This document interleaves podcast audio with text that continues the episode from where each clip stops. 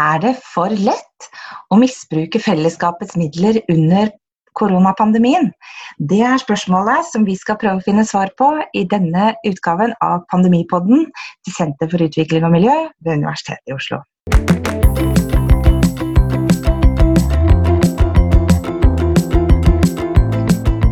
Mitt navn er Benedicte Bull, eh, og jeg er professor ved senteret. I Pandemipodden så ringer jeg til mine kolleger på hvert sitt hjemmekontor og eh, snakker med dem om et tema som eh, jeg vet de har greie på, med relevans for enten årsaker til eller konsekvenser av koronapandemien.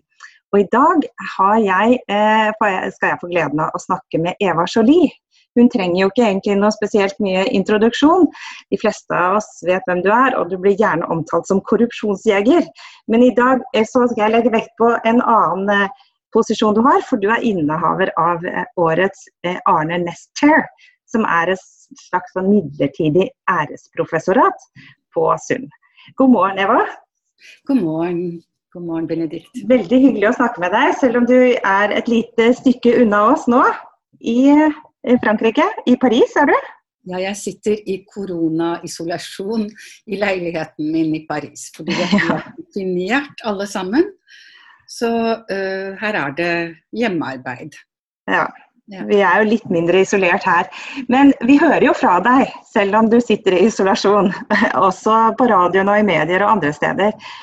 Og det er jo et tema som bekymrer ganske mange av oss, akkurat dette her med hvordan skal vi sikre at alle midlene som nå pøses ut i alle retninger, eh, ikke blir misbrukt. Og og her har vi jo veldig dårlige erfaringer, ikke sant? fordi eh, vi hadde en krise i 2008 eh, som fikk katastrofale følger for mennesker, for borgerne.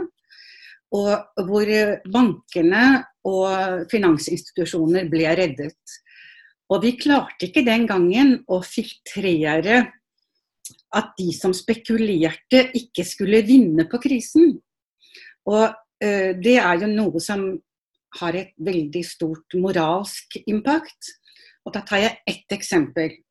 Det er at i USA, bare i USA, så var det ni millioner hus som Eh, ble beslaglagt, og beboerne ble kastet ut.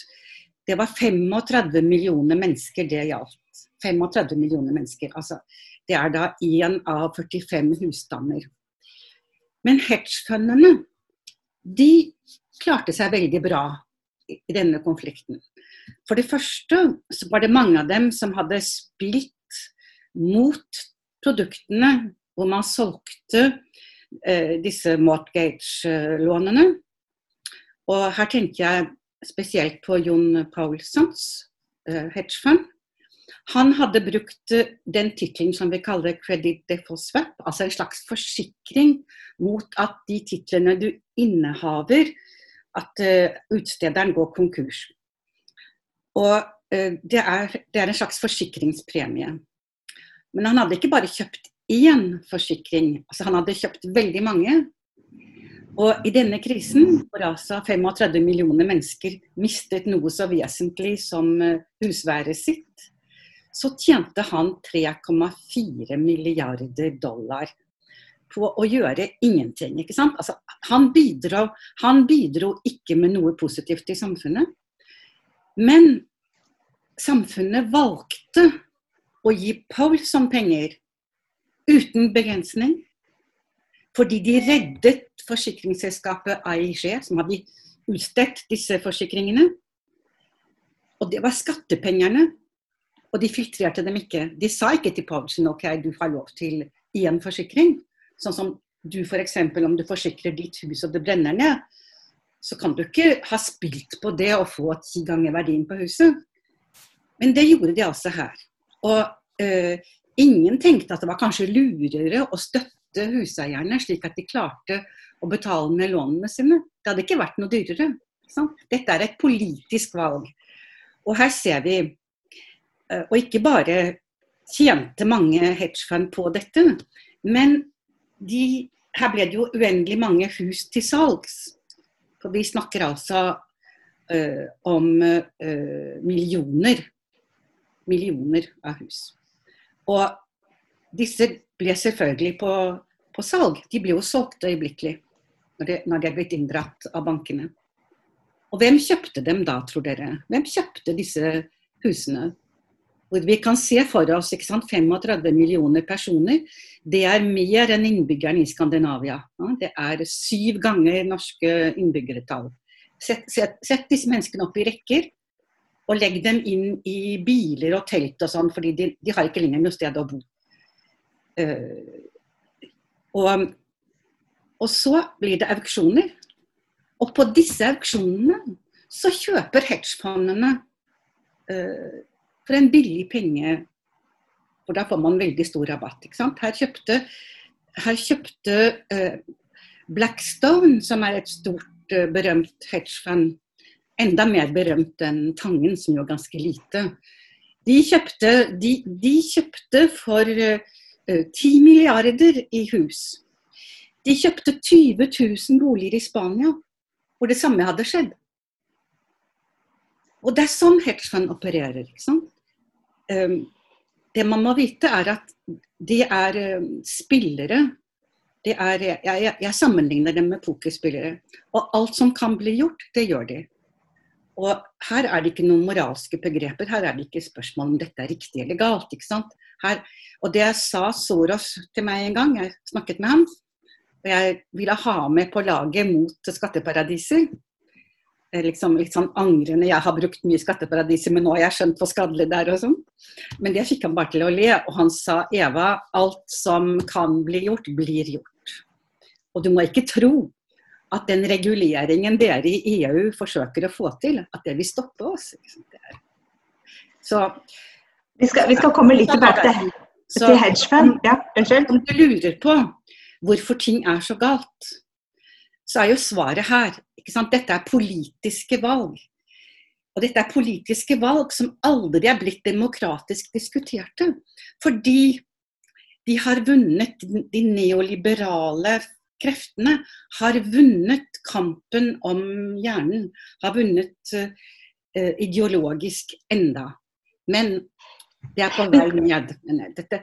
Men vi må være klar over at uh, kommunikasjonen er utrolig gjennomtenkt. At uh, selv etter denne krisen så klarte vi ikke å regulere som vi burde ha kunnet. Og dette kan man jo lure på hvorfor er det slik at uh, politikerne ikke klarer å ta det inn over seg. Og der har jeg faktisk en liten forklaring. Jeg tror at veldig mange politiske ledere, altså presidenter i mange land, de har egentlig De kan ikke økonomi. Eller de har aldri brukt de ti timene de burde ha brukt på å skjønne hvordan fungerer egentlig kreditt for swap, f.eks det er jo ikke, det er ikke vanskelig, men du må være litt rolig og sette deg ned og skjønne det. Og det har jeg oppdaget når jeg snakker med ledende politikere, at de, de blir vage i blikket. Fordi de har ikke egentlig kunnskap til det. Og fordi de ikke har denne kunnskapen, så blir de veldig lett influert av rådgivere. Og dessverre så er jo rådgiverne ofte hedgefundene eller andre store banker. Men kan vi, kan vi... Måte, dette er en måte å fordele rikdom på, og ingenting annet. Men kan vi risikere at noe tilsvarende skjer nå? At vi nå støtter opp under helt feil aktører i den krisa vi er i? Jeg tror at uh, vi er i en situasjon som er helt ukjent. Og det er utrolig vanskelig å, å, å forutsi hva som vil skje. Og det er panikkartede tilstander. Og om vi ser på f.eks. oljen, som jo har vært en stor verdi for Norge og for alle som produserer. Uh, I går og i forgårs så var, hadde oljen, oljefatet, negativ pris. Altså produsentene betaler kjøperne for å kjøpe olje. Et tomt oljefat er mer verdt enn et fullt fordi lagrene er fulle. Fordi man trenger ikke lenger eh, olje og bensin, fordi man beveger seg ikke lenger. Flyene fyller ikke opp, eh, bilene fyller ikke opp. Så lagrene er fulle. Og så var det jo slik at uh, i OPEP så klarte de ikke i mars, når det ble veldig tydelig at dette kommer til å gå galt, at det er en stor overproduksjon, så klarte de ikke å bli enige om å redusere produksjonen. Fordi Russland ville utsette det, uh, og uh, Saudi-Arabia ville ikke gjøre det alene. Så nå har vi en, og Norge reduserte heller ikke produksjonen sin. Norge oppfører seg som alle andre på oljemarkedet. Og uh, uh, så har man fylt opp alle tankskip som ligger der med lastene fulle. Nå er det ikke noen flere igjen. Og man betaler store rater på disse tankskipene for ingenting. Så mener, Når du ser på det eksempelet der, så skjønner du at det å, å forutsi hva som vil skje Vi har ikke noe å sammenligne det med. Til og med 29 ikke, kan ikke sammenlignes, fordi økonomien er helt stoppet opp. Så her tror jeg at alle neoliberale mennesker vil se hvor nakne de er. De som har stolt på markedet. Eh, dette kan ikke markedet ordne opp med, og vi må tilbake til en kenyansk situasjon. Det er klart at her, her er det staten, statene som må gripe inn for at det ikke skal bli hungersnød blant, eh, blant mennesker. Så økonomien her er veldig altså Økonomisk teori kan ikke løse disse problemene. Det tror jeg ikke. Du nevnte hedgefund. Jeg har jo litt sånn følelse av at alt dette her, denne eh, koronapanikken, hvis vi kan kalle det det, det har kanskje gjort oss litt mer sånn godtroende og litt mer slepphendte. Og det er jo ting som, har, som, går litt under radaren, for nå føler vi liksom Uansett hvem som kan komme med noen løsninger, får vi bare stole på de. Det er, det er veldig det er veldig vanskelig også For vi er jo vant til at i morgen er som i dag. ikke sant? Og et år følger etter et annet. Og vi har alltid håpet at i morgen skal være litt bedre enn det var i dag, egentlig. Det er jo det som har forandret seg også i forhold til forrige generasjon. Hvor eh, det var optimisme fordi fremtiden var lysere, og de, de, de så det. I dag så, eh, så har vi ikke det, dette her Vi kan ikke lenger hvile oss på at fremtiden Vi kjenner den, ikke sant. Den er totalt ukjent. Og det, det, er klart at det gjør noe med oss, og at vi vil klamre oss til alt som ligner en løsning. Eh, men det er jo ingen grunn til oss å gi opp eh, den kontrollen vi kan ha. Og eh, det er noen minimum requirement som vi kunne ha. ikke sant? Og i, i den kampen som pågår i verden for at samfunnet skal fungere bedre for menneskene, og ikke fullt så urettferdig, så spiller skatteparadiset en veldig stor rolle.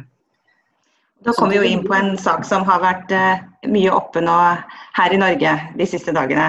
Ja. Og det er at, at mannen som skal forvalte vår felles uh, sparekasse, som kanskje skal redde oss i fremtiden, uh, også er knytta til skatteparadis. Ja, Det er ganske enkelt ikke mulig. Vi kan ikke, Norge kan ikke kan ikke velge som bestyrer for eh, sin nasjonal rikdom en person som har brukt eh, hele sitt voksne liv på å bygge opp sin egen formue uten å betale skatt eh, noe sted, eller betale lite skatt til England, etter det han selv opplyser. Det, det, det han selv opplyser, er at han har bygd opp en formue på 1,3 milliarder dollar, eller 1,2 milliarder dollar, som er delt i to. Og han eh, påstår at han har opprettet et veldedighetsfond som han ikke eier. Og uh, at uh, Så den regner han ikke med lenger i formuen sin. Og her er det jo for det første en, en bekymring, ikke sant. vi vet ikke hvordan dette fondet fungerer. Vi vet ikke hvem som bestyrer det. Vi vet ikke hvilken kontroll han enda har over det. Så her synes jeg at skulle, eh, skulle dette fortsette, så ville minimum requirement være at han legger frem også disse dokumentene. At han legger frem status på denne uh, foundation han har opprettet, og at han legger alle kart på bordet. Men selv om han gjør det, så må man jo stille seg spørsmål ved er det virkelig det bildet der Uh, og den typen personlighet vi vil ha. Det er sikkert ikke noe galt med Tangen selv. Det er sikkert et, mener, men det er, det er, den kategorien øh, fond han tilhører, som heller ikke er nyttig for øh, oljefondet. Fordi eh, hedgefundbestyrere de tilbringer livet sitt med å forsøke å finne ut hvor man kan spille høyt, hvor man kan, hvor man kan tjene mye. Og eh, de spiller jo f.eks. når de tror at et firma at, de, at, verdien vil gå ned, så selger de aksjer fra dette firmaet de ikke har, som de låner med en, en kontrakt for fremtiden. Og så kjøper de de igjen når prisen har gått ned, og fortsetter sånn. Og da tjener de på den forskjellen. Men ved at man gjør det, så eh, bidrar man til å synke børskursen til det firmaet. Og man bidrar til at folk blir oppsagt, man bidrar til at rekonstruksjonen blir eh, kanskje smertefull. Så eh, hedgefund de tjener penger på å spille mot eh, valutaer, f.eks. Eh, du kan vedde på at norske kroner taper mot dollar eller, eh, eller euro. Eh, du kan kjøpe opp boliger i Hellas når halve befolkningen er ruinert. Altså, det er ikke sånn vårt oljefond holder på. Oljefondet er et indeksfond hovedsakelig. Og det er veldig fornuftig. Fordi du kan være veldig intelligent og veldig smart, men når du eier 2% i omtrent alle børsnoterte firmaer, så nytter det ikke å, å, å, spille på denne måten. For det som skjer også da, er jo at du kan spille mot dine egne interesser. Så jeg tror at denne måten å, å fungere på, er heller ikke de kvalitetene som er grunnleggende nyttige når du skal når du skal bestyre en formue som var på 1000 milliarder eh, kroner. Så, eh, så, så, man kan jo egentlig risikere at Nicolai Tangen tidligere har vært med på å spekulere mot krona og gjort en del andre ting som direkte, har vært direkte skadelige. Jeg sier ikke at han har gjort det, men problemet er at vi ikke vet. Og minimum burde jo være at vi, at vi at eh, de som har ansatt ham, har litt innsyn i hvordan han har bygget opp disse 1,2 eller 3 milliarder dollar, eller 13 milliarder kroner. Og her er det jo også mye forvirring. Fordi hva som teller, er jo ikke hva du vil gjøre i fremtiden. Hva som teller, er hva du har gjort. Og hva du har gjort, er at du har din, dine egne lønninger, dine egne honorarer, er blitt utbetalt på steder hvor du ikke skatter av dem. Det har jeg regnet ut. Altså fordi hadde han skattet til um, England av en formue på 1,2 milliarder eh, dollar, så hadde det ikke vært 200 millioner pund han har betalt, som han sier selv han har betalt. Han sier han har betalt 280 millioner pund. Det stemmer ikke. Så dette, dette, er, uh, dette er penger han ikke har betalt skatt av. Og eh, det er jo et problem i dag. Uh, når verden bryter sammen. Se på Bronson, mannen som innehar eh, eh, Virgin. Altså driver flyselskaper, plateselskaper, eh, til og med airspace-investeringer. Han har levet i et skatteparadis. Men han har virkelig levet i et skatteparadis, sin egen øy. Altså utenfor eh, utenfor England. Men nå ber han England om hjelp til å redde selskapene sine. Kan man da synes at det er normalt? At uh, engelske skattepenger skal bli brukt til å redde Bransons firmaer, når han ikke har betalt et øre i skatt på alle disse årene? Altså, det er virkelig Det å tilhøre et fellesskap betyr at du også at du også satser i dette fellesskapet. Og det er det, altså Skatt er sivilisasjon. Og det å ikke betale skatt, det er å, å være gratispassasjer. Og jeg vet at eh, hedgefondbestyrere vil påstå at jeg har et litt eh, naivt syn på, på, økonomi, men jeg tror faktisk ikke det. Jeg tror jeg har Jeg tror at vi er ganske mange etter hvert som har skjønt at eh, også det at skatteparadisene er blitt mer og mer brukt, for de blir brukt av rike mennesker til ikke å betale skatt. De blir brukt av multinasjonale selskaper til ikke å betale skatt. Og de blir brukt av kriminelle til å hvitvaske sine kriminelle penger. Så her har vi virkelig kjernen til mye galt. Men den, den, gode nyheten er at faktisk så har politikere gått løs på dette problemet nå i ganske mange år og at vi er veldig nær en løsning. Og skatteparadisenes uh, storhetstid er snart over. Men det er et annet, et, en annen problem jeg kanskje ikke kan snakke om her. Men jeg bare lyst til å stille ett spørsmål helt til slutt. og det er at eh, jeg tenker at I en sånn krisesituasjon vi er i nå, så er det ekstremt viktig at vi har tillit til myndighetene. Vi føler vi alle ofrer noe, dette er en felles dugnad, og vi har tillit til myndighetene. Hva tror du en sånn sak som den som er kommet opp nå, hvor du ser litt sånn, både det med skatteparadiser og, og litt sånn sammenblanding mellom ulike eliter, har å si for tilliten i samfunnet? Mm. Men liksom, jeg er ferdig med det vi snakket om først, om skatteparadisene. Altså, øh, en, igjen regel vi kunne, kunne, ha, er at vi gir ikke hjelp til firmaer som øh, har øh, filialer og kontorer i skatteparadiser. Av en god grunn. Det er at vi får ikke innsikt. Vi får ikke kunnskap om hva som skjer der. Så um, så, så det er en ting vi kunne sette Vi kunne sette noen grenser her. Og uh, for meg så er jo altså For meg, for alle borgere, så er tillit til politikerne en kapital. Og Norge vi har jo levet veldig høyt på denne kapitalen. Fordi vi har hatt et samfunn med stor eh, samhold i. Og uh, hvor det er uh, dugnadsånd. Men det er jo veldig klart i dag at denne dugnaden kan ikke bare være norsk.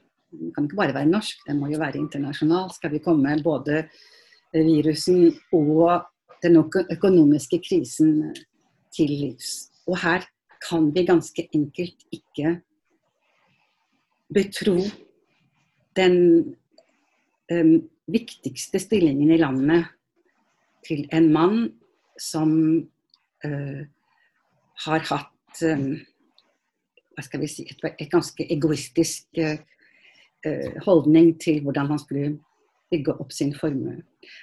Og Her har jeg lyst til å konkludere med å si at det hjelper ikke å si at du vil gi bort pengene. Det, er, altså, det, det, vet vi først ikke om er helt riktig. Liksom, hvor, hvor, gjennomsiktig er denne foundation? Fordi Trump har også en veldedig, veldedig foundation. Uh, det, det har de aller fleste rike amerikanere. For det er også en måte å ha skattereduksjon på. Eh, så selvfølgelig så, så er det også det, er en autentisk eh, filantropi i USA. Men det, det, henger sammen med at du ikke Altså at du ikke betaler skatt ofte. Så jeg, jeg, sier at vi trenger skattebetalere. Og faktisk her nå, på sykehusene, så er det noen steder plakater hvor det står Vi vil ikke ha din veldedighet, vi vil ha dine skattepenger. Det er et ganske, eh, ganske godt eh, slagord. Tusen takk skal du ha. Skal vi, skal, skal vi, det hjelper ikke å være rik og tenke at du kan kjøpe deg en respirator som du kan ha hjemme om du skulle få eh, covid-anfall. Det hjelper ganske enkelt ikke. Selv Trump kan ikke håndtere en respirator med eh, Melinda eh, som hjelp. Dette er ganske teknisk. Vi trenger sykehus med utdannet personale rundt. Og vi trenger midler til å kjøpe respiratorer f.eks. Og de, de, midlene får vi ikke gjennom veldige donasjoner til de formål du velger ut. De får det gjennom skattepenger.